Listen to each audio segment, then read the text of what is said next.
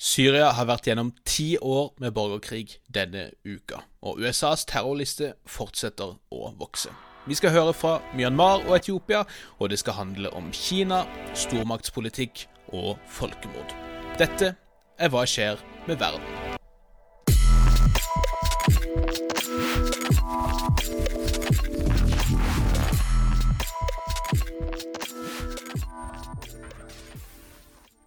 Hei og hjertelig velkommen til en ny episode av podkasten Hva skjer med verden? Denne podden om det som rører på seg innen internasjonal politikk og krig og fred, og det rører midt imellom der et sted. Mitt navn er Bjørnar Østby, og med meg har jeg som vanlig min gode kollega og makker Nick Brandal. God mandagsmorgen til deg, Nick. Ja, det er jo en god mandagsmorgen eh, for deg, Bjørnar. Eh, for de som ikke kan se deg, så sitter Bjørnar nå i Arsenal-drakt. Det stemmer. Og det, og det er jo definitivt ikke tilfeldig denne, denne, mandagen. Nei, det er jo ikke det, altså. Det er jo ikke bare skolene som går mot rødt nivå her i, i Oslo nå. Jeg kan informere om at Nord-London er, er, rødt. og... Eh, Snøen tiner, sola skinner, fuglene kvitrer, og José Mourinho er lei seg. Så dette er en veldig veldig god eh, start på uka, får vi si. Det kan ikke love at resten av episoden blir like munter, men, men eh, vi må kunne feire de, de, tingene som er verdt å feire her i livet. Syns du ikke det, Nick? Jo, du skal, du skal få denne, denne uka. Takk skal du ha. Takk skal du ha. Eh, vi har eh, mye eh, vi skal snakke om i dag, og vi pleier jo å starte litt lettbeint. Vi kan jo for så vidt bare starte med å si at vi har holdt på ganske nøyaktig ett år nå. Vi hadde vel første episode 17. mars i fjor, så det er jo så nærme vi kommer et ettårsjubileum, dette her. Vet ikke om det er så mye å feire nødvendigvis, det får eh, lytterne avgjøre, men vi får i hvert fall si tusen hjertelig takk for uh, følget på denne reisen med litt over 70 episoder til, til nå. Det setter vi stor pris på, altså. Virkelig. Ja, det er, jo, det er jo, interessant at det, det faktisk tok under ei uke fra nedstenginga 12.3 til vi hadde hivd oss rundt og fått en podkast på lufta. Så, gal, så, glad er vi i å høre våre egne stemmer, og så dårlig er vi til å holde kjeft. Så, så det er nok litt der det ligger, tror jeg. Ja, men eh, altså, det, er jo, det, er jo, noe overraskende dynamisk eh, Vi er jo tross alt fra yrkesgrupper som blir oppfatta som treige og teknologisk utfordra. ja, det er et godt poeng. Så uh, det er fair, fair enough. Vi, vi heiv oss rundt, og så, så ble det ei greie. Vi, vi, hadde kanskje ikke sett for oss at det skulle bli så mange som ville følge med, men, men det er vi så klart veldig happy for, altså. Ja, jeg, jeg, tror nok det at hadde resten av episodene fortsatt som den første, så hadde vi vært langt unna de over 50 000 nedlastingene som vi nå har hatt. Den, den første episoden handla veldig mye om kaffe og eh, pro pro problemer som oppsto når eh, eh, Bjørknes høgskole stengte ned kaffemaskina samtidig som de stengte ned resten av skolen. Stemmer det. Det har blitt litt mindre kaffepolitikk og litt mindre fotball, og det tror jeg alle er godt tjent med. Og så prøver vi å holde det ca. like sarkastisk og lettbeint, i hvert fall, som vi har gjort det siden starten. Og vi tenker jo ikke å uh, gi oss. Vi, vi, merker jo det som alle andre, at det er jo litt færre som lytter gjerne hver gang det er ny nedstengning. Det merker jeg selv også, så vi håper jo at vi snart kan ha litt vanligere omstendigheter. At Nick og jeg kan sitte sammen i studio og spille inn ting. Det har vi jo ikke gjort på ages nå. Men uh, nå går det jo mot nok en uh, innstramming i Oslo, så, så, vi får bare belage oss på å, å holde dette kjøret gående hjemmefra enn så lenge. Og siden det er ettårsjubileum, så tenker vi avslutte denne introen med å gå tilbake til en av våre favorittpersoner i hele verden, Stemmer nemlig Emmanuel Macron.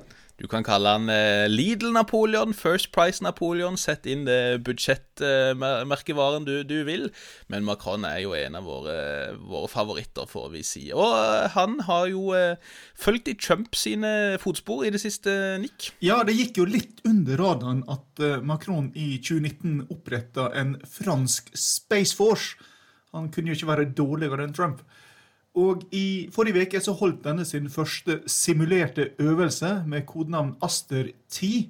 Eh, dette er jo da etter den første franske satellitten som ble skutt opp på 60-tallet. Eh, og Denne øvelsen her foregikk i Toulouse med Macron som observatør. og Planen er at man nå skal samle en sånn fransk Space Command i Toulouse. Og eh, Planen her det er jo da å utruste franske satellitter med laservåpen som skal kunne forsvare seg mot fiendtlige angrep i verdensrommet. Der ser du. Og eh, det kan jo være greit å notere seg for disse galningene i USA som har lansert eh, en av de, de, kanskje morsomste konspirasjonsteoriene i senere tid, får vi si, nemlig at det var en jødisk romlaser som starta disse eh, skogbrannene som herja i California for en tid tilbake. Det har jo heldigvis en del folk jeg følger på Twitter som er jøder sjøl, tatt ganske lett. Det er blant annet en militærekspert nå som har fått seg en egen uh, liten badge der det står 'Secret Jewish Space Laser Corps'. Uh, og da med sloganen ikke 'Mazel Tov', men 'Mazel Tough'. Så, uh, men, men, som så ofte, Nick, som vi har sett ørten ganger Skyld heller på franskmennene. Det funker stort sett veldig bra. De har rota seg opp i så mye graps. Det har vært masse konspirasjoner, spesielt i en afrikansk kontekst. Så hvis du skal lansere en konspirasjonsteori, gå for franskmennene heller.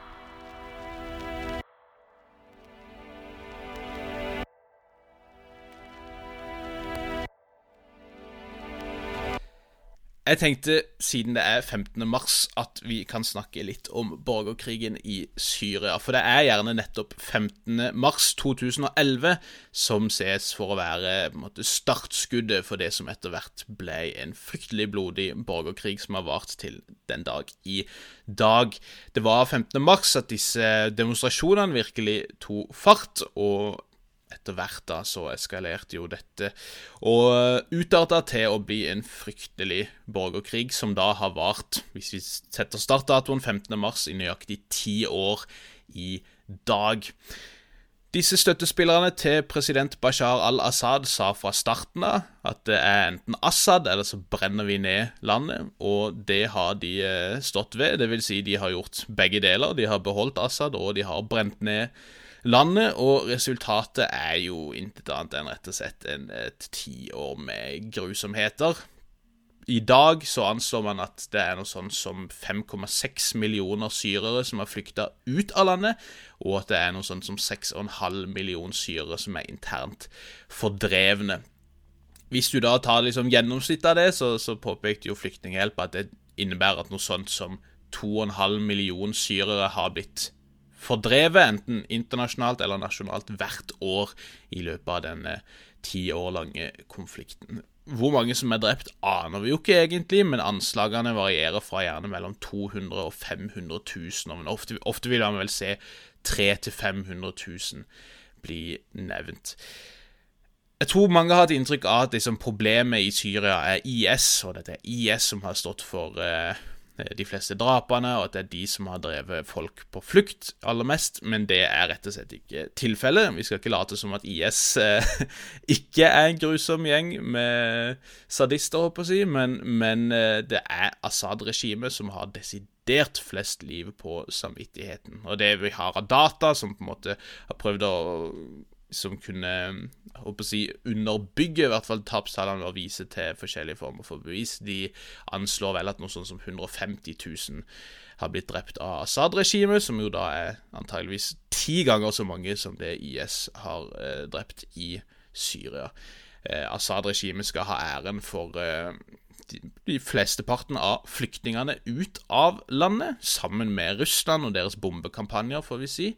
Eh, selv om det er noen nyttige idioter som, som prøver å forsvare Assad-regimet fra vestlig imperialisme og alt mulig sprøyt. I dag så snakker man jo gjerne om liksom at Assad-regimet går seirende ut av krigen, og, og, det er for så vidt ikke uten grunn at man sier det. De har jo tatt kontroll etter hvert over nokså store deler av landet. Um, men likevel så er det vel fortsatt noe sånn som 30-40% av landet som er utenfor regimets kontroll, som enten da holdes av jihadister i Nordvest-Syria, som da er støtta i større og mindre grad av Tyrkia, eller kurdiske områder i nordøst. Uh, og så har vi så klart også noen små områder der IS er, er, mer eller mindre aktive. Så i den grad det er en seier, så får vi vel si at det er en såkalt Pyrros-seier, en seier som er ganske hul når alt kommer til alt. Uh, og hvor Assad strengt tatt har oppnådd fint lite annet enn å myrde sin egen befolkning og ødelegge sitt eget land. Og i, da sa jo Altså, økonomien har aldri vært verre enn den er i dag, og det er jo sånn at mye av resultatet Eller mye av dette er jo et resultat av ti år med krig, men litt av resultatet er også at syr, den syriske økonomien langt på vei er avhengig av den libanesiske, som også har vært i fritt fall i mange år nå. Så det er en, en fryktelig kritisk situasjon. Noe sånn som 80% av syrere lever under fattigdomsgrensa i dag. Og Flyktninghjelpa eh, var ute med en rapport nå også som anslår at det er flere millioner til som antageligvis vil flykte i løpet av det neste tiåret dersom ting ikke bedrer seg. Og, og altså, Én ting er jo hvor grusomt det som har skjedd i Syria har vært, men, men jeg tror jo at faktisk den syriske borgerkrigen er liksom hvis du skal forstå de viktigste utviklingene de siste ti årene, så kan du spore ganske mye av det til nettopp Syria. Eh, Syria har jo vært en magnet for en ny generasjon fremmedkrigere. Mye sånn som den afghanske krigen, eh, altså den sovjetiske invasjonen av, av Afghanistan på 70-80-tallet. Det ble jo en magnet for arabiske fremmedkrigere, og mye av det samme har vi for så vidt sett med Syria. Det har eh, vært eh, en arena hvor IS virkelig vokste frem. Det er klart, altså IS bør nok langt på vei forstås som et irakisk fenomen i sitt opphav, men de kunne neppe ha slått tilbake som de gjorde eh, i 2010-årene hvis det ikke hadde vært for en borgerkrig og en kollaps i Syria. Eh, Syria var også den arenaen der både Russland og Tyrkia virkelig kunne seile opp igjen som nokså sånne aktive militære makter som kara uforholdsmessig stor innflytelse sammenlignet med andre, andre, regimer, både regionalt og internasjonalt. Etter Russland intervenerte i 2015, og Tyrkia også har intervenert en rekke ganger, og til og med også aktivt bomba eh, den syriske hæren i, i, fjor senest. Eh, I tillegg så er jo Syria den eh, hendelsen som i aller størst grad var en katalysator for den såkalte flyktningekrisa, som fikk spesielt mye oppmerksomhet i 2015, og som tilsynelatende også har vært med på å dytte en del av eh, frynsene på høyresida i europeisk politikk desto lenger til eh, høyre. Og, og, kanskje mest av alt så har vi også i Syria sett en total forakt for, eh, for humanitærretten. Med aktiv bruk av kjemiske våpen, tø eh, sånne tønnebomber, en aktiv russisk kampanje for å bombe feltsykehus og medisinske fasiliteter, og i det hele tatt masse elendighet, for å si det sånn. Og krigen fortsetter jo den dag i dag, riktignok på et langt lavere nivå enn på lenge, men eh, Senest sist uke så var Sputnik, denne prostatlige russiske mediekanalen, ute og, og påsto at syriske opprørere planlegger et kjemisk angrep. Det har russiske medier sagt mange ganger tidligere, rett før da det syriske regimet med russisk hjelp gjennomfører nettopp et slikt kjemisk angrep. Så det er jo grunn til å kanskje forvente at noe sånt kommer til å skje igjen. Eh, disse pro-tyrkiske opprørerne nord i landet har stått for masse overgrep og potensielt etnisk rensning mot andre minoriteter i Nord-Syria, inkludert kurdere, jesidier og kristne. Og eh, så er det også dessverre en del rapporter som tyder på at IS begynner å vokse seg sterkere i ørken sentralt i landet. Det er stadig vekk angrep der mot både hæren og mot forskjellige prostatlige grupper, eh, hvor liksom titalls soldater og, og militsmedlemmer blir drept. Så krigen er dessverre langt fra over, og eh, ja, det er jo ganske sprøtt at det har holdt på i ti år allerede, eh, men det er god grunn til å tro at dette kommer til å fortsette ei god stund videre, dessverre. Så vi ønsker bare å nevne det. Et veldig sørgelig jubileum, får vi si. Eh, med ti år med borgerkrig i Syria, og for så vidt ti år, og vel så det, siden den arabiske våren eh, starta. For å fortsette i dette ganske tragiske sporet, Nick, så må vi ta turen til Myanmar nok en gang. Ja, vi, eh, vi har jo snakka før sending, og du påpekte jo at det det finnes jo paralleller til starten på borgerkrigen i Syria.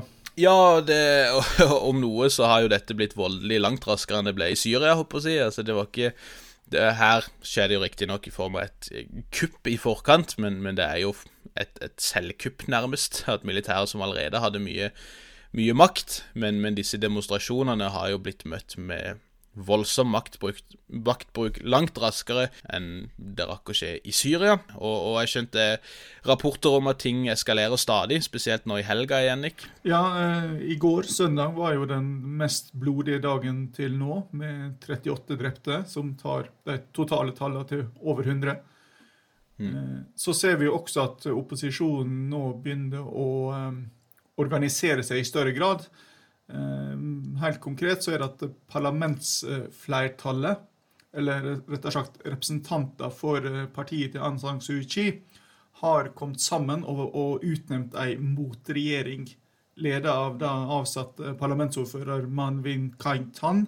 Jeg håper jeg uttalte dette rett som skal da representere det legitime styret etter arrestasjonen av Aung San Suu Kyi.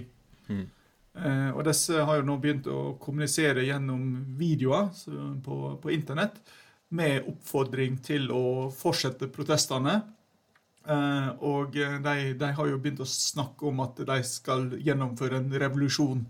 Mm. Og um, dette tyder jo på at det blir vanskelig å deeskalere situasjonen her. Ja, du har ikke så mange sånne såkalte off-ramps igjen, håper jeg, for å prøve å stoppe det. I hvert fall når, når eh, ikke-voldelig motstand møtes med så eh, brutal maktbruk. Og det, det, ja, folk har jo sikkert sett det, men det kommer ut noen veldig så det slående bilder av ei eh, nonne, jeg vet ikke om det var i Yangon eller hvor det var, men, men som sitter og kneler og ber, ber politiet om å og spare demonstrantene. Og, og akkurat der så, så, kneler jo de sammen med henne og ser tilsynelatende ut til å ønske å roe situasjonen, men så vet vi jo at rett etterpå like ved så var det mange som ble drept. Så når ikke-vold møtes med så drøy maktbruk, så er det vanskelig å se hva alternativene er for opprøret, eller for demonstrantene, annet enn å liksom eskalere ytterligere, som, eh, som du sier. Eh, og så, så er det jo det er jo mye uvisst. da, sant? Altså Demonstrasjonene er gjerne konsentrert i byene, men man har masse aktive opprørsgrupper ute i periferien, på nesten alle kanter av landet, som er tungt bevæpna og, og, har mange års erfaring med krigføring. Jeg vet ærlig talt ikke hvor, hvor mye de er på ballen, eller om dette egentlig har endra noen ting som helst for, for deres kampanjer mot staten, men, men det er jo et land som der det er jeg, nok av våpen og nok av klagemål til å mobilisere til noe, noe voldeligere fra demonstrantenes side også. Eh, kanskje verdt å nevne også at Al Qaida Jeg tror ikke de har publisert det ennå, men, men Ayman al-Zawahiri har vært ute og tisa at det kommer en film fra Al Qaida om rohingyaenes lidelse, denne etniske og religiøse muslimske minoriteten i, i Vest-Myanmar som har vært utsatt for voldsomme overgrep de siste årene. Um, er, jeg tror ikke den filmen er ute ennå. Jeg skal følge med når den kommer. Men eh, det, det, vil jo også være interessant for å se om Zawahiri faktisk lever den dag i dag. Man er jo usikker på om han kanskje har strøket med av koronia eller ikke. Men, men uh, vi får se hvor dagsaktuell den filmen er. Det virker jo mest som bare et sånn desperat, opportunistisk forsøk på å gjøre uh, gamle gutter i Al Qaida relevante igjen. Men, men det er jo interessant å se eventuelt om, om man vil ha noe mer religiøs mobilisering. Men nå skjer jo dette da ikke primært i områdene der rohingyaene er, disse opptøyene. Det skjer jo i, i byene mer generelt. da. Så det er det er urovekkende, det som skjer. Jeg så jo norsk UD var ute og, og hevde at eh, de hadde vært liksom viktige pågangsdrivere for å få et felles statement fra Sikkerhetsrådet om situasjonen i Myanmar, så det kan jo virke som Norge prøver å være litt på ballen der, men igjen, som vi har snakka om før, så er det vanskelig å, å, få sagt så mye uten å ha Kina med på laget, og så, så blir det også interessant, da, som vi snakka om sist uke, å se hvor mye Kina på en måte er villig til å tolerere, og hvor mye de eventuelt greier å, å kontrollere det som faktisk skjer. Um, vi kan nevne kort, hvis vi drar litt eh, sørover og vestover til Afrika, at um, det skjer et og annet på Etiopia-fronten. Det siste nå er jo at USAs uh, nye utenriksminister Anthony Blinken har vært ute og nok en gang krever at eritreiske styrker og, og styrker fra Amhara-staten trekker seg ut av Tigray. Og så har han sagt noe ganske viktig. Han har sagt at disse må erstattes av sikkerhetsstyrker som ikke eh, begår voldsomme menneskerettighetsbrudd og bedriver etnisk rensning. Og det er jo ganske betydelig når det begrepet begynner å bli brukt. Altså, det brukes, så vidt jeg kan se, med god grunn, og folkemordbegrepet har også vært lufta. Men, men, akkurat etnisk rensing er jo liksom én av et sett måte, svært alvorlige internasjonale forbrytelser. Um, jeg hadde lyst til å forklare kort hva egentlig etnisk rensning er, Nick, for det kan virke som det ofte er litt sånn misforståelser rundt det begrepet der. Ja, altså det er jo eh, et forsøk eh, på å fysisk fjerne ei, ei gruppe, eh, etnisk, rasebasert eller religiøs, fra et te definert territorium. Ja. Eh, og det, det kan skje gjennom vold, drap, utslettelse, eller det kan skje gjennom fordrivelse. Det virker jo ofte som folk tenker at liksom, etnisk rensning må være dødelig, men det trenger det altså ikke å være. Det, liksom, essensen er å, å, drive et folk Altså rense et territorium, om du vil, da, for en, en viss folkegruppe, og det kan, som du sier, skje på både dødelige og, eller voldelige og ikke-voldelige vis i og for seg. Så, så, er jo dette et av disse begrepene som, som, høres ut som om det beskriver en forbrytelse, men det er faktisk ikke noen punkt i internasjonal lov som eh, heter etnisk rensning.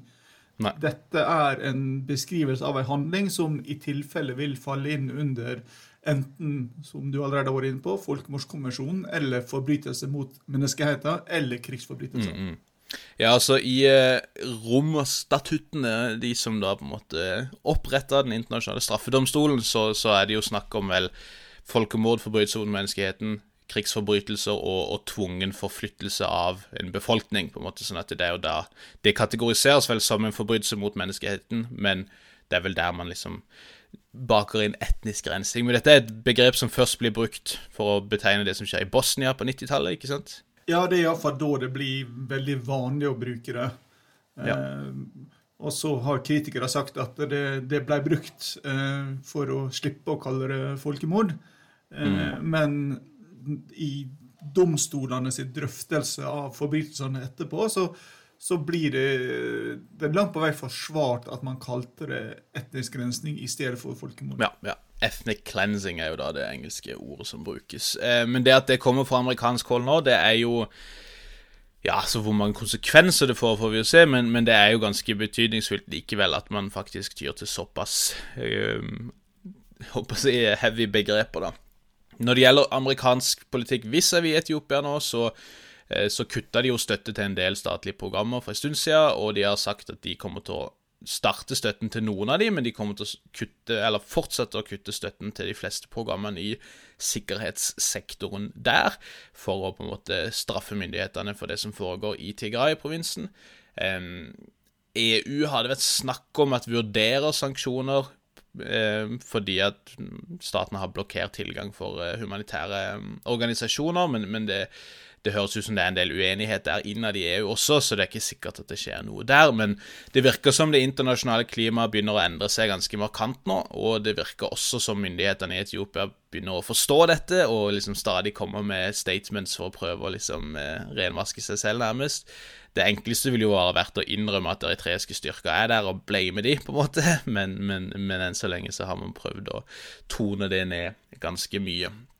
Men eh, det, det, skjer altså et og, og annet eh, på den fronten der, og så får vi se om, om, det ligger så mye mer vilje til å handle bak den eh, retorikken som brukes. Vi skal komme tilbake til sånne amerikanske statements eh, til slutt, når vi skal snakke om en ny rapport fra en amerikansk tenketank om eh, dette påståtte folkemordet mot uigurene i Kina.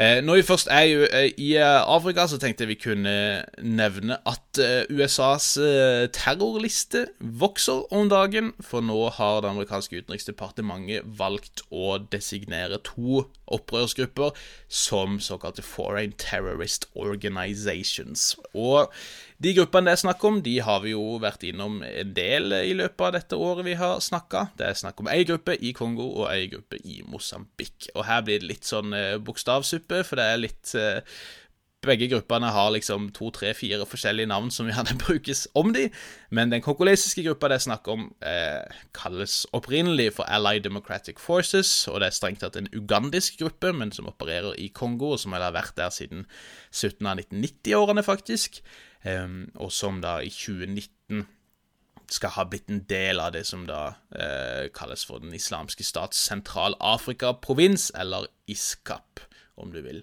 Eh, den andre gruppa kalles offisielt for Al-Osunna og wal Jama i Mosambik. Eh, lokalt kjennes den som eh, Al Shabaab, selv om den ikke har noe med somalisk Al Shabaab å gjøre. Andre kaller det for Ansar al Sunna, og eh, igjen kaller enda andre disse for ISKAP, som den islamske stat sin Sentral-Afrika-provins. Disse to gruppene har egentlig ingenting med hverandre å gjøre. De har oppstått lokalt, de har en lang lokal historie. Eh, der ADF har operert siden slutten av 90-tallet, så har eh, denne gruppa i Nord-Mosambik operert som en væpna organisasjon siden 2017.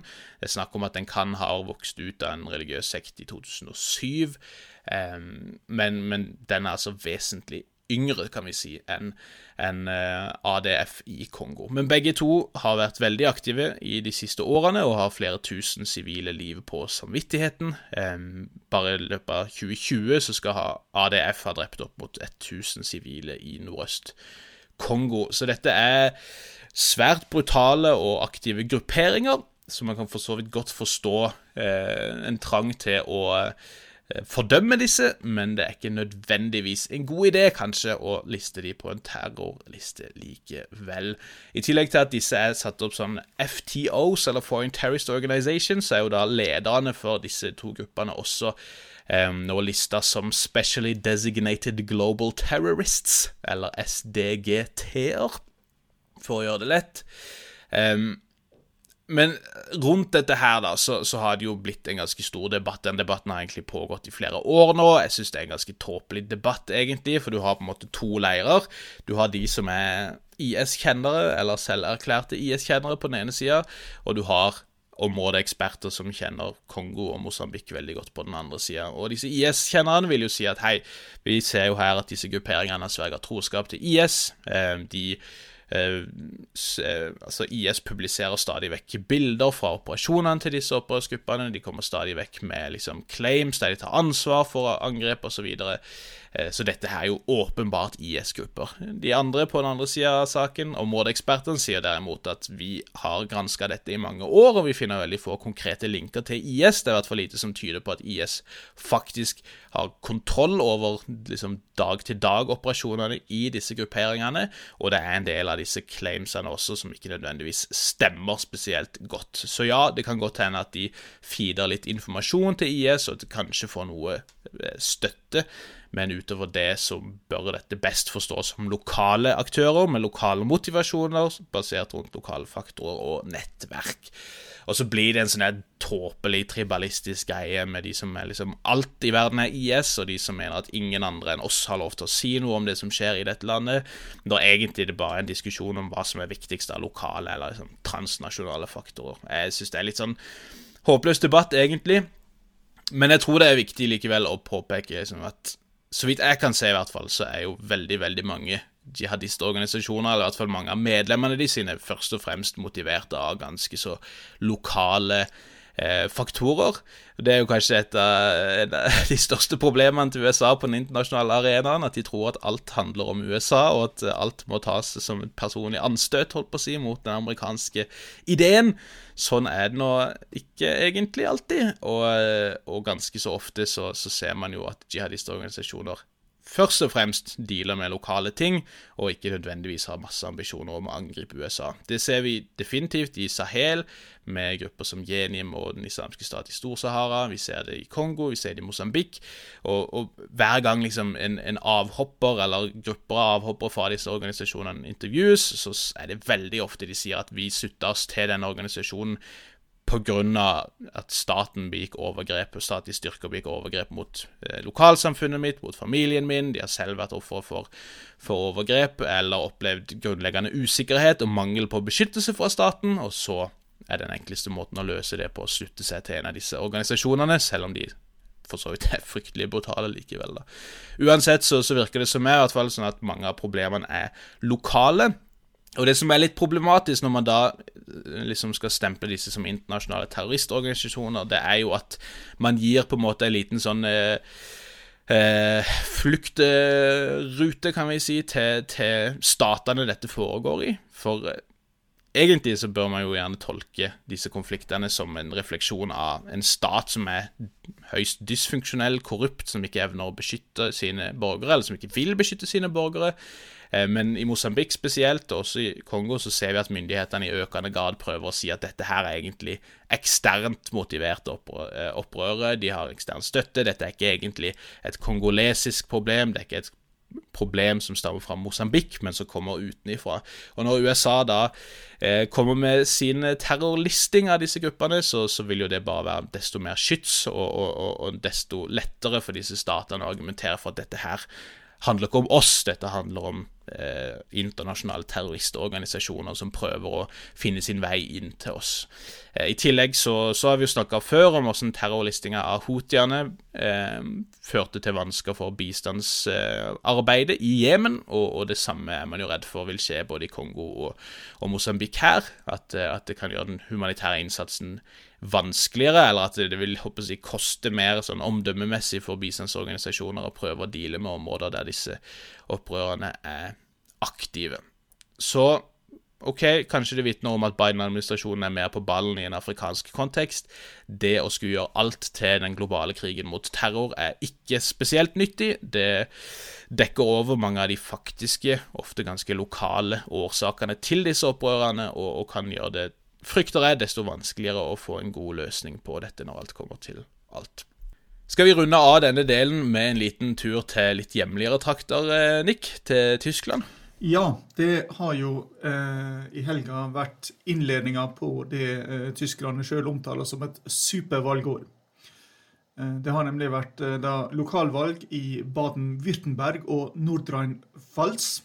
Eh, som da er starten på en lang rekke lokal- og delstatsvalg som leder fram mot eh, den store premien på slutten av året for de politiske partiene, nemlig føderalvalget 26.9. Eh, og det mest sannsynlige resultatet sånn det ser ut nå i det valget, er at vi kan ende opp med en ny type styringskoalisjon. Altså, I Tyskland så har det jo vært eh, tradisjon eh, for at de store partiene tar ansvar dersom velgerne ikke klarer å bestemme seg, og, og samarbeider i en såkalt storkoalisjon mellom sosialdemokratene og de konservative, eh, som da kan ha et flertall bak seg. Den koalisjonen vil neppe bli stor nok etter valget i år til å danne en slik styringskoalisjon. Og eh, det det ligger an til, er at det største partiet på sentrum-venstre blir Grynen, eller De grønne. Eh, og vi kan da få det som ofte blir kalt for en Kiwi-koalisjon, nemlig en svart-grønn koalisjon. Tyskland er jo eh, glad i å, sette sånn fargebetegnelser på, på partisamarbeid. Men hva som vil skje om ja, det er jo et halvt år, drøyt, drøyt halvt år, det er veldig vanskelig. Det det er stor bevegelse blant velgerne. Og Derfor så var det jo veldig interesse for uh, dette valget. Uh, her må vi jo ta med at liksom, Nordrhein-Westfalen og eh, Rheinland-Pfalz eh, Baden-Württemberg beklager, og Nordrhein-Pfalz har jo begge to en befolkning som er over det dobbelte av Norge. Ja, ikke sant. Altså det, sånn, det, dette er sånn, digre landområder, og det er to av de tre største statene i Tyskland. Mm, mm, mm. Og, og, For de som ikke følger tysk politikk, så kan det være greit å ta en litt sånn uh, recap på at altså, Tyskland er en føderalstat. Ja, Kan du ikke forklare kjapt hva det er for noen føderalstat? Det er noe vi liksom kaster rundt oss, men som kanskje ikke er sånn åpenbart for alle som lytter. Ja, altså de, de, fleste av oss vet jo eh, sånn litt om hvordan USA fungerer. At du har delstater med egne delstatsforsamlinger og guvernører som gir lover og har ansvar for politi osv. Det, det samme gjelder egentlig i Tyskland. Hmm. Altså Delstatene har ansvar for alt som ikke eksplisitt står nevnt i Grunnloven som et føderalt ansvar. Det får jo av og til sånn merkelig utslag der antiterrorpolitiet tilhører grensepolitiet. Fordi grensevakt er jo et føderalt ansvar, mm. mens, mens, politi er et delstatsansvar. Det samme gjelder utdanning. Altså, eh, De tyske delstatene er f.eks. partnere i PISA-samarbeidet, eh, og ikke den tyske føderalstaten. Altså alt som har med utdanning å gjøre, Mm. eh, ligger på delstatsnivå. Og Det samme gjelder sosialpolitikk og eh, sant, migrasjon, integrering osv. Stemmer.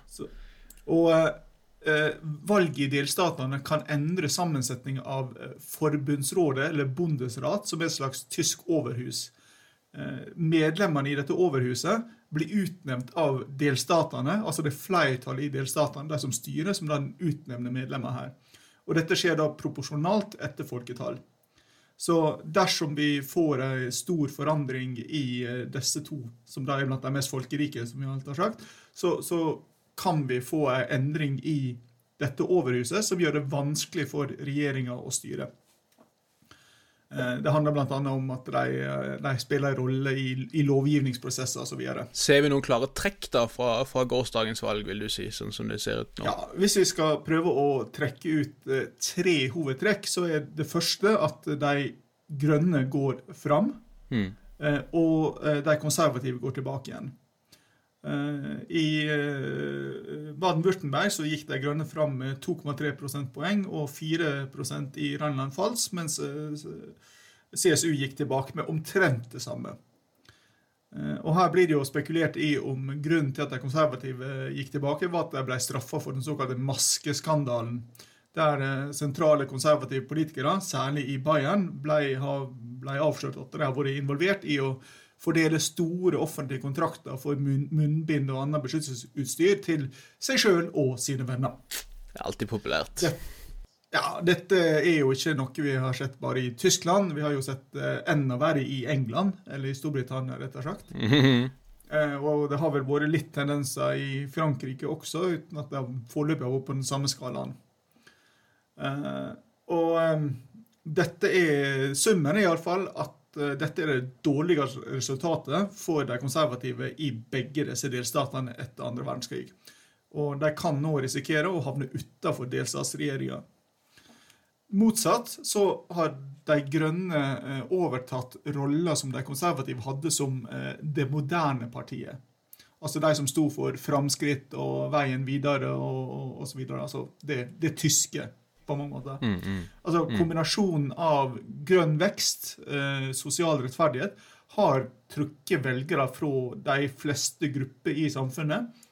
Og vi ser også at miljøpolitikk har blitt lokalpolitikk på en positiv måte.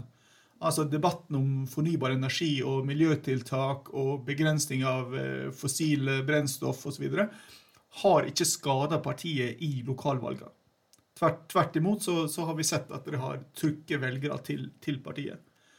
Um, og um, Det som kan bli resultatet her, er jo da at vi kan få en såkalt trafikklyskoalisjon i begge disse delstatene, med de grønne, de eh, røde, altså SPD, sosialdemokratene, og de gule, eh, liberalistene i eh, FDP. Eh, Denne koalisjonen er styrer alt i eh, Rheinland-Pfalz, men eh, i, i Baden-Württemberg har vi altså hatt en såkalt Kiwi-koalisjon, altså en grønn og svart, eh, med, som nå da altså kan bli erstatta av et tra trafikklys. De svarte her, det er Det er de konservative. Ja, riktig, riktig.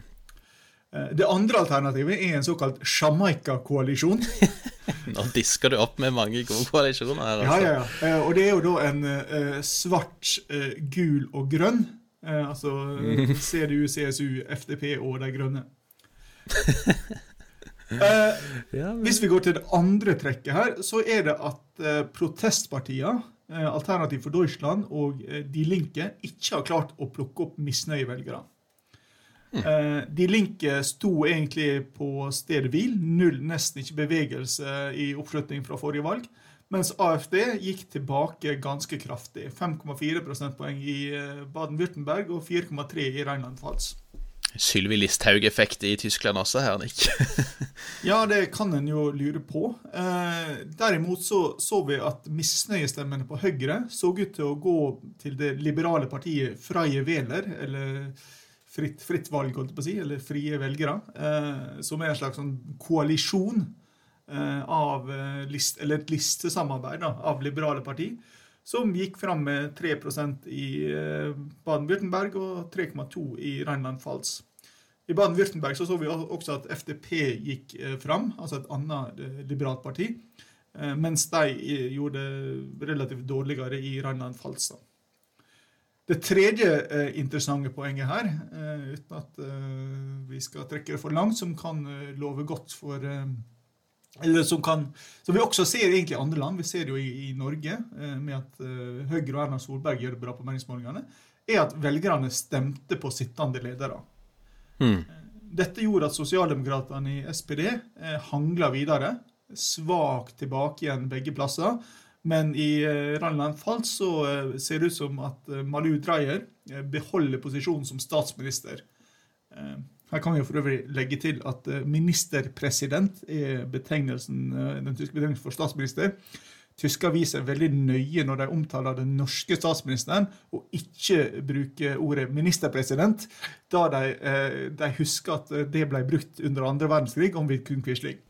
Hei, hei, hei. Så da, så da skriver de 'regjeringssjef' i stedet. er interessant. Men du kan si det at velgerne stemmer på sittende ledere, eh, lover ikke nødvendigvis godt for de konservative og verden post Angela Merkel. Eh, det har definitivt ikke vært noen Armin Laschet-effekt, som da ble den nye partiformannen som ble valgt tidligere i år. Eh, og vi ser allerede nå tendenser til at han som tapte mot Laschet, Markus Søder, som er statsminister i Bayern, begynner å røre på seg. Og hvis vi nå skulle få flere dårlige valg for de konservative, eh, så vil det bli en ny kamp om hvem som skal være kanslerkandidat ved valget i, i høst. Veldig, veldig interessant. Eh, Litt demotiverende kanskje for oss i partiet Nok er nok og alle må gå. Det er kanskje ikke like mange misnøye stemmer å høste som vi hadde trodd, Nick. Nei, det er pussig, den greia der. Eh, når vi eh, føler oss eh, usikre nok eller redde nok, så vi, så stemmer vi på det vi har, og ikke på noe annet. Og det, det har det vært snakk om i, i en britisk kontekst også, at man regner med at de konservative vil, vil fortsette å være forholdsvis populære også etter koronaen. Ut, utrolig nok, kanskje, men de har riktignok fått gang på vaksinepolitikken. Det skal de ha, men likevel. Ja, og her, her vil jeg anbefale Storbritannia å eh, løse problemet sitt på samme måte som Tyskland løste sitt problem etter 1945. Altså, Tyskland eh, jo, var, har jo fra starten av vært en eh, føderalstat, men de hadde jo da én stat, Prøysen, som dekka eh, sant, over halve territoriumet og, og veldig stor del av folketallet. Denne ble jo da splitta opp i nokså mange flere delstater. Eh, Det bør kanskje Storbritannia gi med England. Splitt England opp i regioner og lage en føderasjon. Slik at vi slipper dette problemet, det engelske problemet i den britiske union. Trodde du skulle si at man måtte avskaffe monarkiet, men det, det ser ut som de greier fint sjøl akkurat nå. Og jo mindre sagt om akkurat den feiden, jo bedre, tenker jeg. Så la oss heller snakke om noe annet eh, trasig, nemlig Kina.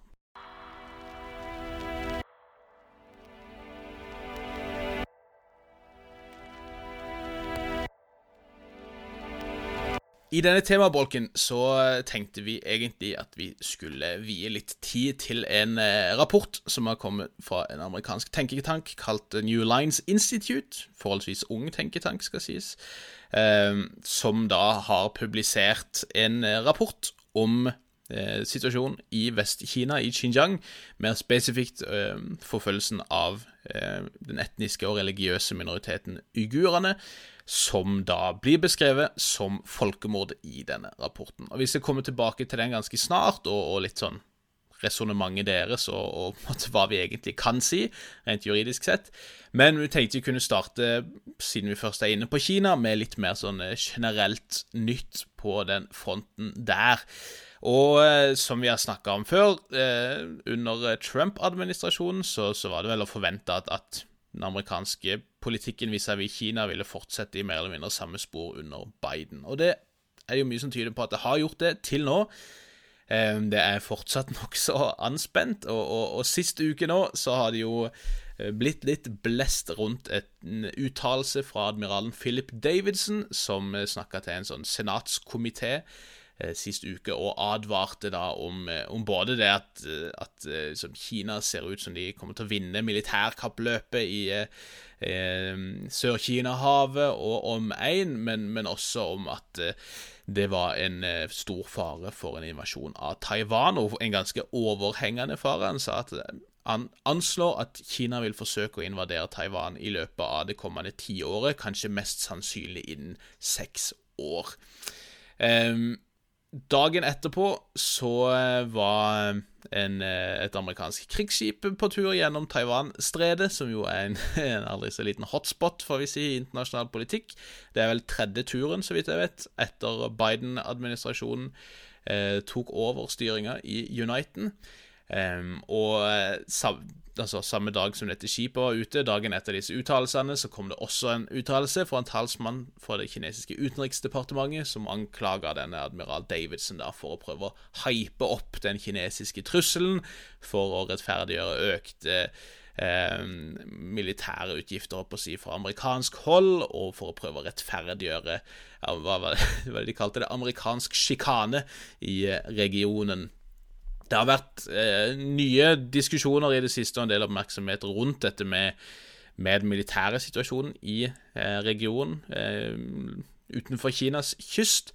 Der eh, det nok en gang er snakk om liksom, ok, hvor godt er USA eventuelt stilt dersom det skulle bli worst case da type en, en, faktisk militær konfrontasjon, les tredje verdenskrig, med Kina. Eh, hvor man da påpeker at Kina etter hvert har eh, massevis av antiskipmissiler, ballistiske, missiler, som eh, kan nå alle de amerikanske basene og personellet i regionen. Eh, noe som da bekymrer folk i det amerikanske militæret, tilsynelatende. Jeg vet ikke hvor mye det har vært lufta om man skal utplassere bakkemissiler på, eller, altså i amerikanske baser i Japan, men det kom i hvert fall et utsagn fra russiske utenriksminister Sergej Lavrov om at, eh, at Russland kommer til å eh, gjengjelde det, håper jeg, dersom, dersom USA velger å utplassere missiler i Japan. Hvor Russland skal svare med å sette missiler, er jo uvisst, for å håpe det ikke blir Cuba, jeg, men, eh, eh, men, men, det begynner å liksom eh, får jo klare, klare og klare konturer, får vi si, av litt mer sånn eh, kald krig-type tenkning, får vi si, Nick. Ja, og, og, samtidig så går jo dette inn i den samme debatten som vi har hatt om Nato, nemlig hvor mye skal landene i regionen USA sine allierte bidrar med. Fordi det som er klart, er at verken eh, Taiwan, Japan eller Sør-Korea bruker spesielt mye av eh, økonomien sin på forsvar. De har, de har stort sett overlatt dette til USA. Og, eh, ja, og Japan har jo ikke hatt lov til å gjøre det pga. en pasifistisk grunnlov inntil nokså nylig. Nei da, eh, men eh, altså, der, der, er jo betydelig misnøye i USA, særlig blant eh, konservative, men, men, også på, blant eh, demokratene, på at, at, USA bidrar med så mye uten å egentlig få noe igjen for det. Og så er det jo et spørsmål her, uten, uten å dra denne parallellen altfor langt, men altså i, i, hva grad kan USA egentlig forsvare disse eh, områdene dersom Kina faktisk vil ta dem? Mm. Og, og, der er vi jo tilbake igjen til eh, dilemmaet fra, fra mellomkrigstida, når eh, Storbritannia og Frankrike ga garantier til Polen som de ikke var i stand til å følge opp eh, uten ja. å erklære eh, krig. Altså, de var ikke i stand til å forsvare Polen. Eh, de kom seg ikke inn i Baltikum forbi den tyske marina. De hadde ikke noe landområde der de kunne sende uh, tropper. Uh, og dermed så var den meningsløs. Og det er jo, det er jo en frykt da, for at USA kan snuble nærmest inn i en tredje verdenskrig med, med Kina dersom de faktisk prøver å hevde seg i Sør-Kina-havet. Mm, mm. Og det, det, er klart det er ikke uten grunn å si at man tror at Kina Altså, det, det, er åpenbart at Kina ønsker å ta tilbake Taiwan. Det har de jo alltid sagt, for så vidt at de ikke anerkjenner at det skal være en, på en måte, separat kinesisk administrasjon på Taiwan. Eh, men, men, det at det ligger en, en klar intensjon der også sant? Det, det kommer jo ut bilder fra en installasjon i, eh, i eh, Nord-Kina, vel, som var en eksakt replika av palasset hvor eh, lederen på Taiwan oppholder seg. De har prøvd hatt flere svære øvelser med, med landganger, altså marine type invasjoner.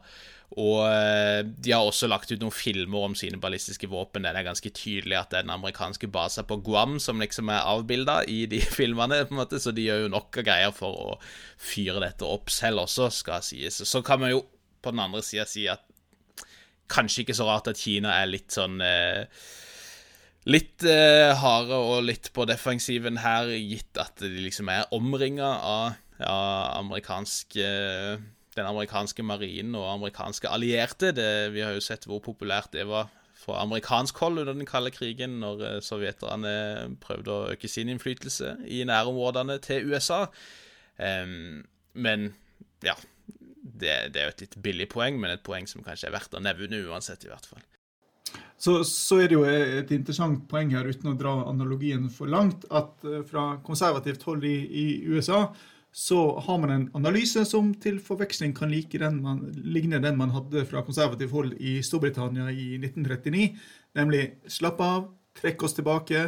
Dette landet eh, er ikke i stand til å opprettholde seg sjøl lenge. Økonomien vil tanke. De har eh, Altså eh, det, det, går jo sånn konkret på at Kina har en aldrende befolkning, de har et problem med overutdanning i en del grupper, de har et sentrum-periferi altså Det er så mye interne konflikter som gjør at Kina vil la, trekke oss tilbake igjen fra det militære, la de få bare overstrekke seg, og så vil dette gå over. Ja, og det, det er jo potensielt famous last words, det. Og, og det er jo igjen denne her lange diskusjonen eh, som har pågått i mange år, og som vi har nevnt før. sant? Er Kina av natur, om du vil, et land som på en måte ikke bryr seg med så mye annet enn sin egen business. Man kan delvis argumentere for det på en måte historisk sett, at de greit, er midtens rike, men, men, de holder seg til sine egne greier.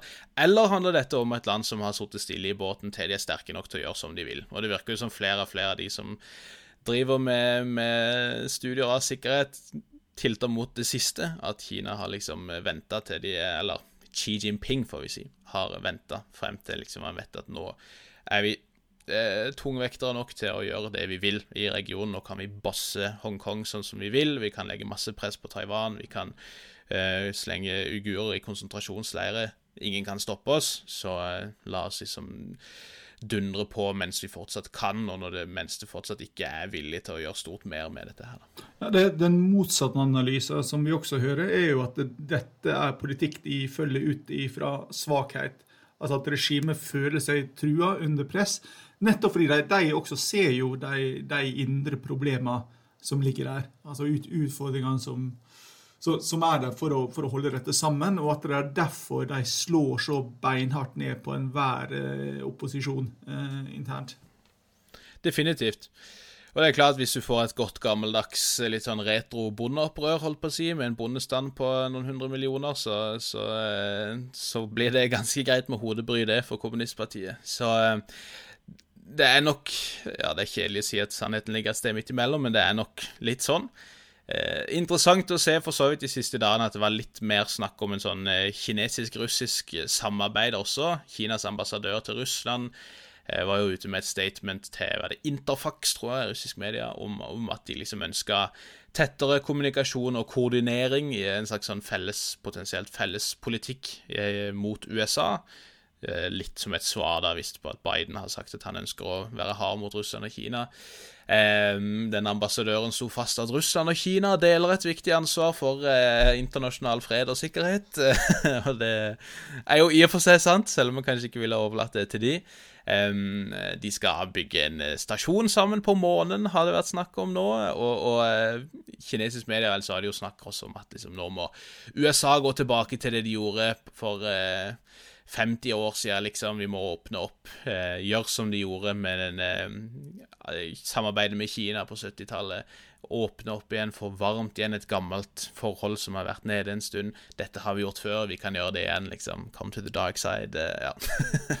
ja, altså, så, så, er jo ikke dette for noe nytt. Altså, Allerede for 20 år siden så ble oppretta den såkalte Shanghai Cooperation Organization, eller Shanghai-pakta som, mm. som var en sånn økonomisk og sikkerhetsallianse med eh, var vel Kina, Kasakhstan, Kirgisistan, Russland, Tadsjikistan og Usbekistan. Eh, altså alle, alle standlandene og, og Russland og, og, og Kina. Eh, så har det litt sånn gått litt sånn opp og ned og hvor tett samarbeidet er. Og eh, vi må jo ikke glemme at Russland og Kina har eh, veldig sterke uenigheter. Mm. Ikke minst om grenseområdet. Mm, absolutt. Så, så, så dette er nok en allianse som fungerer godt så lenge de har en felles fiende. Men uh, i det øyeblikket de ikke har det lenger, så vil jo dette antageligvis kollapse. Ja, og det så man jo under den kalde krigen også, at, at der man skulle tro at de så ting relativt likt, så, så greide man jo å få Kina over på USAs side av saken eh, mot Sovjet eh, i sin tid. og, og det hadde jo vært snakk om altså sånne Putin kommer også til å forstå etter hvert at ok, shit, kanskje det egentlig er Kina som, som faktisk er big dog her i Eller top dog i regionen, får vi si. Eh, og hva, hva, Putin vil gjøre når han etter hvert innser det, er jo høyst uklart, men, men han også må nok forstå liksom at definitivt økonomisk, i økende grad militært, selv om de har færre kjernevåpen. Eh, rent demografisk også, så, så er jo Kina eh, vesentlig mektigere enn det, det, Russland kan drømme å være, selv om Russland er langt større geografisk og, og som sagt har flere kjernevåpen. Så det er mange sånne eh, uromomenter som ligger der hele tida, og ikke minst disse grensekonfliktene også. Så, så jeg tror ikke man skal liksom gå ut ifra at man får veldig sånn samstemt politikk der med det første. Og Apropos sånne allianser som har ligget litt sånn eh, i brak, holdt på å si, så eh, har det jo nå vært et nytt møte i det som blir kalt for The Quadrilateral Security Dialogue, eller bare The Quad på, på kort. En eh, litt sånn uformell allianse, egentlig, mellom USA, India, Japan og Australia. Opprinnelig så Jeg tror den ble oppretta i 2007, egentlig som en respons på den fryktelige tsunamien i 2004, og litt sånn egentlig samarbeid mer på, på den fronten der. Eh, men den har egentlig vært veldig lite aktiv, til det vel var Trump som på en måte prøvde å få litt gang på den igjen i 2017. Da ganske sånn åpenbart som en motsats til kinesisk eh, innflytelse i eh, Øst-Asia, primært, får vi si. og, og sånn, formelt så skulle de møtes nå på fredag da for å snakke om demokrati og bla, bla, bla, og uh, korona og sånt, men, men er, selv om ingen innrømmer at dette handler om Kina, så er det jo ganske åpenbart at dette handler om Kina, får vi si. Og Australia er jo et av landene som faktisk har kjørt en ganske sånn hard linje på en del ting i møte med Kina. Der kan jo nevnes. Eh, men dette er vel det første møtet man har hatt, en virtuell konferanse riktignok, mellom statslederne fra disse fire landene. Eh, der man da i første omgang egentlig prøvde å koordinere med en sånn vaksinepolitikk, og der man vel har satt som et mål at man skal hjelpe India med å produsere en eh, milliard av disse er det Jensen og Jansen-vaksinene eh, innen 2022. Eh, det ses jo litt som en slags sånn soft power-manøver også for å prøve å kontre kinesisk innflytelse på helsefronten, om du vil, i eh, regionen, men, men det, det, ligger jo ikke så veldig eh, skjult mellom linjene her at, at eh, denne alliansen også skal være en slags buffer mot Kina. Kina har på sin side gått ut og avskrevet dette som et samarbeid som et resultat av en giftig kald krig-mentalitet. Og, og, det var også en sak i Global Times, sånn kinesiske medier, der eh, de skrev at The Quad var doomed to fail, fordi at de skjønner ikke liksom at alle statene er i dette her for sin egen vinnings skyld. Det, det handler ikke om ønske, et ønske om å hjelpe USA eller bekjempe Kina eller noe sånt. Alle prøver bare å vinne sjøl, det kommer ikke til å funke. Lykke til, snakkes aldri, håper jeg. um, så um, vi får se om, det blir mer aktivitet på den fronten der, men, men det er jo noen andre sånn paralleller til den kalde krigen òg her, Nick, med liksom samarbeid med litt sånn tvilsomme regimer, kanskje, i hvert fall i Indias tilfelle, får vi si.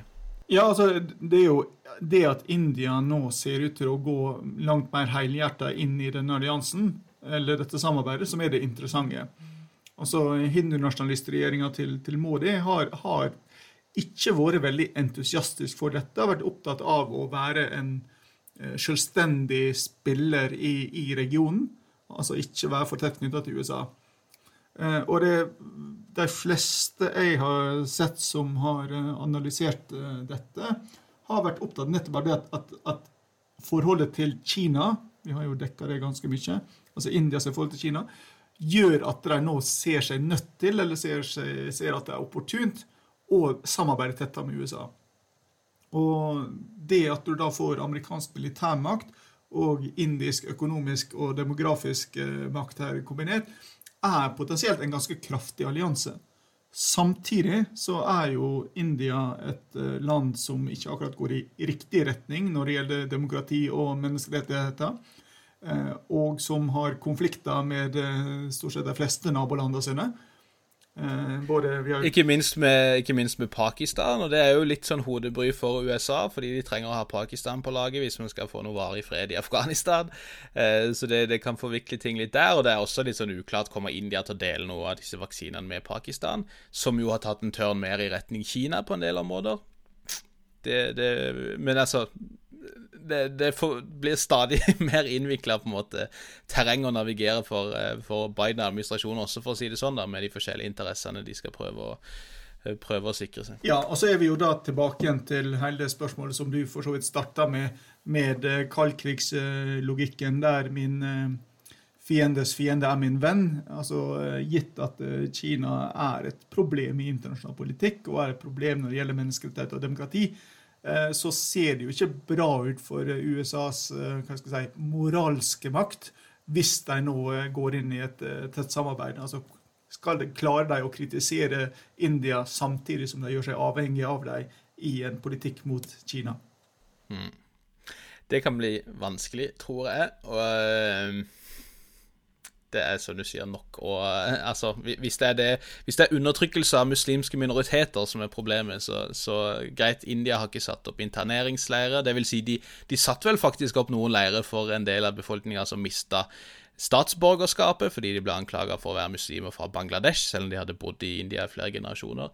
Eh, men så, så, hvis det er forakt for Eller altså avstandtagen fra forfølgelse av muslimske minoriteter som er problemet, da er ikke India en, en verdig samarbeidspartner, for å si det sånn. Og med det så kan vi jo gå inn, vi har holdt på lenge, men vi må snakke litt om det på, på, denne rapporten fra en amerikansk tenketank, som har fått veldig mye, kanskje uforholdsmessig mye medieoppmerksomhet, nettopp fordi at den hevder da ved eksperthjelp å demonstrere og argumentere en gang for alle for at uigurene, denne etniske og religiøse muslimske minoriteten i Xinjiang-regionen, Vest-Kina, er utsatt for et folkemord fra kinesiske myndigheter. Ja, på, på sett og vis så går jo denne inn i eh, måten uh, jeg, Eller det, den, det Kina, debatten om Kina altså, har handla veldig mye om støy i de fire årene med Trump. Mm. Og den støyen der eh, ser ut som Biden sliter med å komme seg gjennom. Eller ser faktisk ut til å bli dratt inn i den samme støyen i, i da dette mm. spørsmålet om folkemord, som vi allerede har snakka om. Eh, og nå kom jo da denne rapporten, og den fikk enormt mye oppmerksomhet. Eh, og veldig lite kritisk mm. dekning. Ja, så Eh, jeg vil kan for så vidt bare nevne at amerikansk UD også har vært ute og sagt at de, de står ved eh, den tidligere uttalelsen fra Trump-administrasjonen om at eh, Eller fra Mike Pompeo spesifikt, om at Kina er skyldig i folkemord mot uigurene. De sier at det, det er ikke noe som har endra seg på bakken som gjør at vi endrer vår analyse av det. Men, men, denne rapporten da, den hevder jo å liksom vise at ja, på alle punktene fra folkemordkonvensjonen så kan vi si at liksom, Kina er skyldig i folkemord. Så kan vi ikke gå kjapt gjennom bare ok, hva er disse kriteriene i folkemordkonvensjonen, og hvordan er det denne rapporten argumenterer for at de innfris i dette tilfellet? Det, det er tre kriterium som skal til. Også Hvis vi nå begynner med de enkleste når det gjelder situasjonen i Xinjiang, eh, så er det for det første at det må være ei eh, nasjonal, eh, religiøs eller rasebestemt gruppe. Og her oppfølger jo åpenbart uigurene minst to av disse her. Nasjonal var vel den tredje, forresten, hvis jeg ikke sa det. Eh, så, så, er det en viss type handlinger som også er definert i eh, artikkel 2.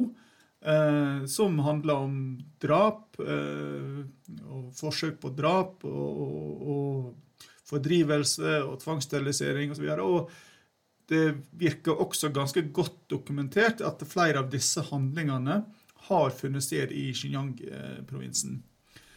Men, og her kommer mennet, den tredje eh, kravet, kriteriet, er at det må foreligge en såkalt spesiell intensjon. Mm. Altså at disse handlingene må ha vært utført i en spesiell hensikt. Og den hensikta er jo da uh, utslettelse helt eller delvis av en av disse gruppene som sådan. Ja. Det betyr at du kan ha jeg håper å si, grusomme drap en masse uten at det nødvendigvis kan karakteriseres juridisk sett som et folkemord, med mindre man kan etablere at gjerningsmennene faktisk gjør dette med et mål om å utslette denne gruppa helt eller delvis. Ja, og grunnen til at dette kravet om intensjon kom, eh, var at Folkemordskonvensjonen skulle ikke bare brukes til å straffe folk som hadde begått en forbrytelse. Den skulle også kunne brukes til å gripe inn før 100 000 av mennesker hadde blitt drept, som under andre verdenskrig. Eh, og, og, og, Derfor så legger man jo da inn at det neste gang en statsleder uttrykker en tydelig intensjon, så skal man kunne gripe inn. Da, eller skal man også ha en plikt til å gripe inn.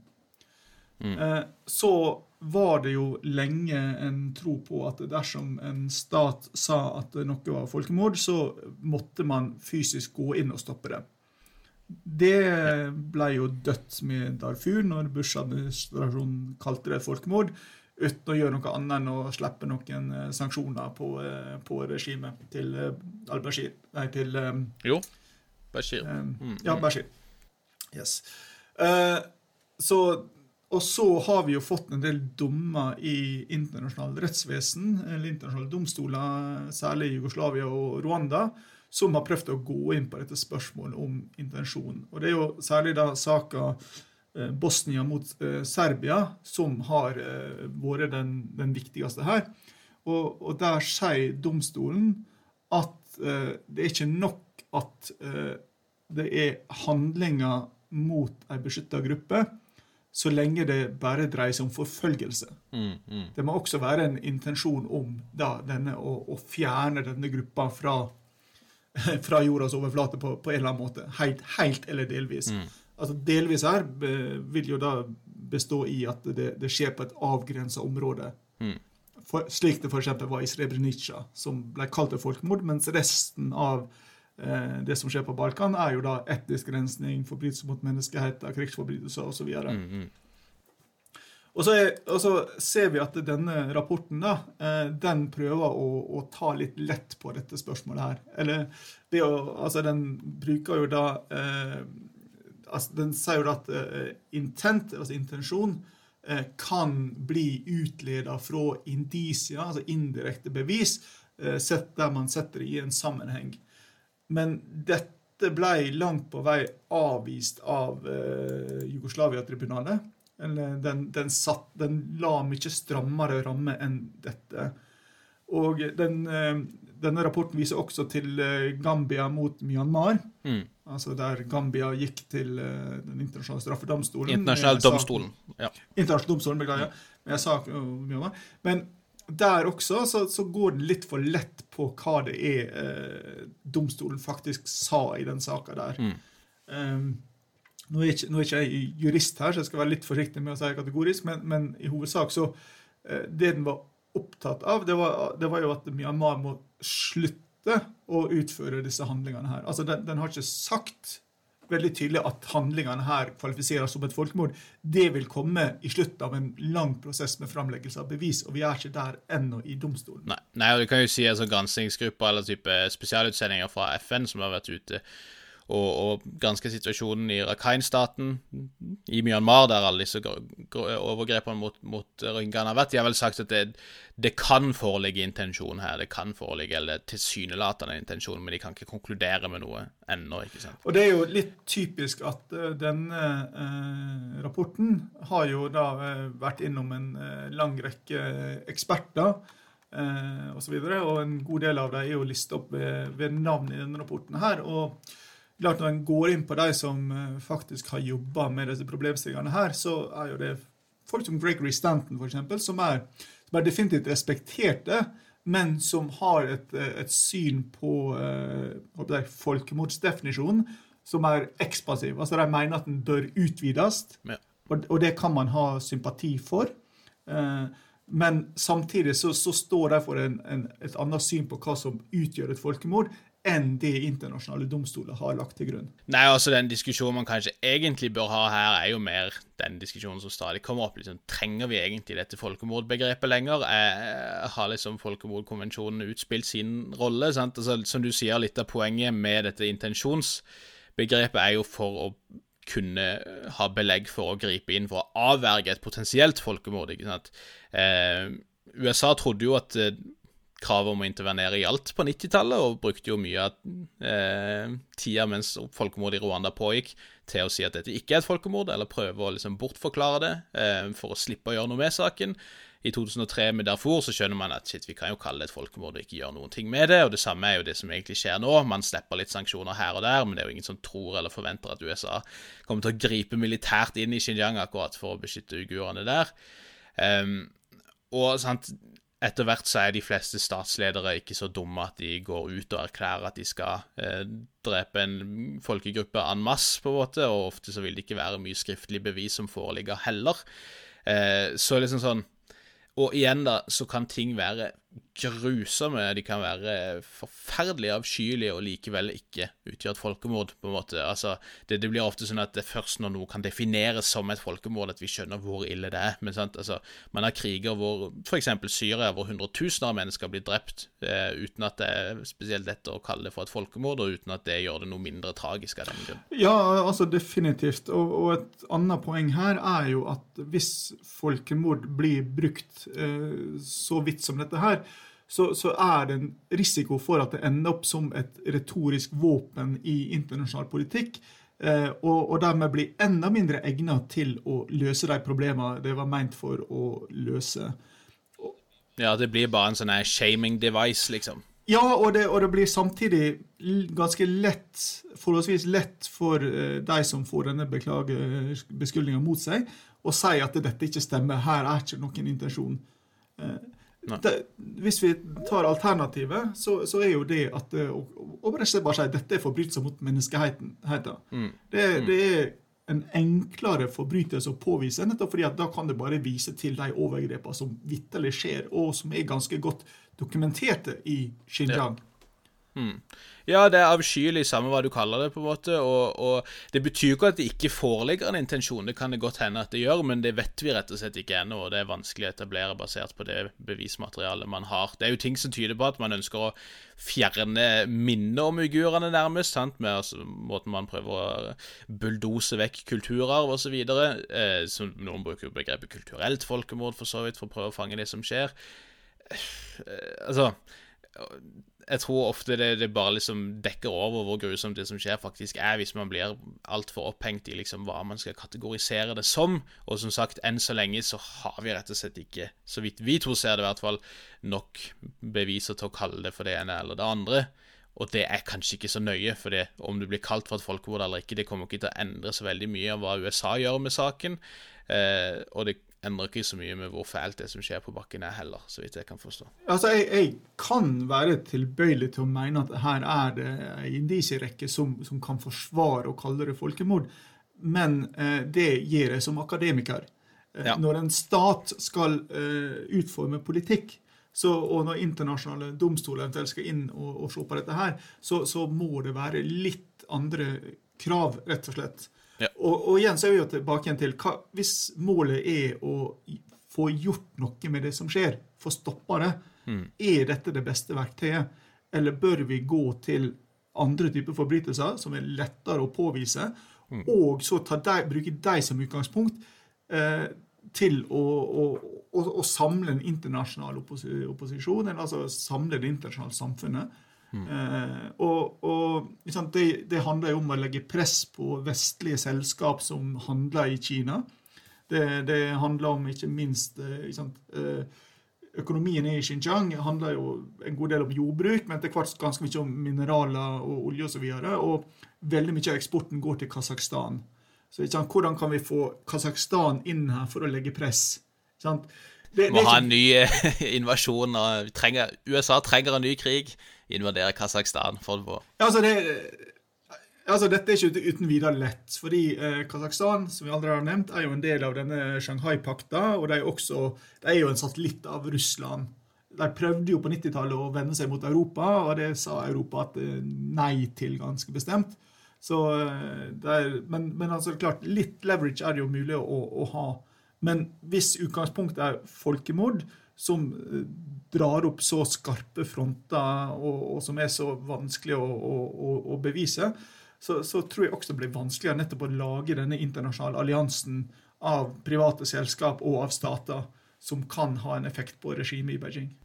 Ja, og følgelig så må man kanskje da heller tenke at det er ikke en løsning man egentlig ser etter, men ved å bruke folkemordbegrepet sånn som det brukes nå, så, så, påfører du de kinesiske myndigheter maksimalt med skam og masse negativ presse, samtidig som man etter hvert ikke forventer at du skal gjøre noe særlig med det, annet enn noen sanksjoner her og der. Så kanskje det, hvis man ser veldig kynisk på det, er den enkleste måten å oppnå litt eh, omdømmemessig for USA, om du vil. Eh, og, så gjør det dessverre fint lite med, med en fryktelig situasjon som uigurene befinner seg i. Deprimerende slutt på, eh, på podden, det her, som det ofte blir. Men eh, sånn er det nå en gang. Og igjen, vi, vi, sier dette som akademikere. Det er jo ingen som bryr seg om hva vi sier uansett. Så dette det, det kan bli litt vel sånn eh, litt vel akademiske øvelser og litt lite kanskje eh, moral i dette her, men eh, ja. Sier du nå at vi er norsk podkast eh, sitt svar på Tucker Carlson? det var ikke akkurat det jeg tenkte, nei. Men han, han, hører jo faktisk folk på. Så. Nei, nei, jo, men altså Det var jo en rettssak i Var det i fjor var det i forfjor? Der hans forsvar var jo en jurysak. Hans forsvar, som domstolen sa seg enig i, var at dette var et underholdningsprogram. Ingen ville finne på å ta meningene hans alvorlige. Nei, vi har sagt mange ganger før ikke hør på det vi sier, så uh, vi kan ingenting. Så, så, vi får bare si det nok en gang.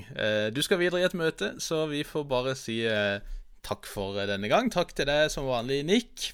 Sjøl takk, Bjørnar. Takk til alle som, eh, takk til alle som lytter og som har fulgt oss dette året. Spre gjerne ordet videre til andre. Abonner på oss der du laster ned podkaster. Sleng inn et lite review på Apple Podcasts hvis du føler for det. Og så eh, høres vi igjen veldig snart.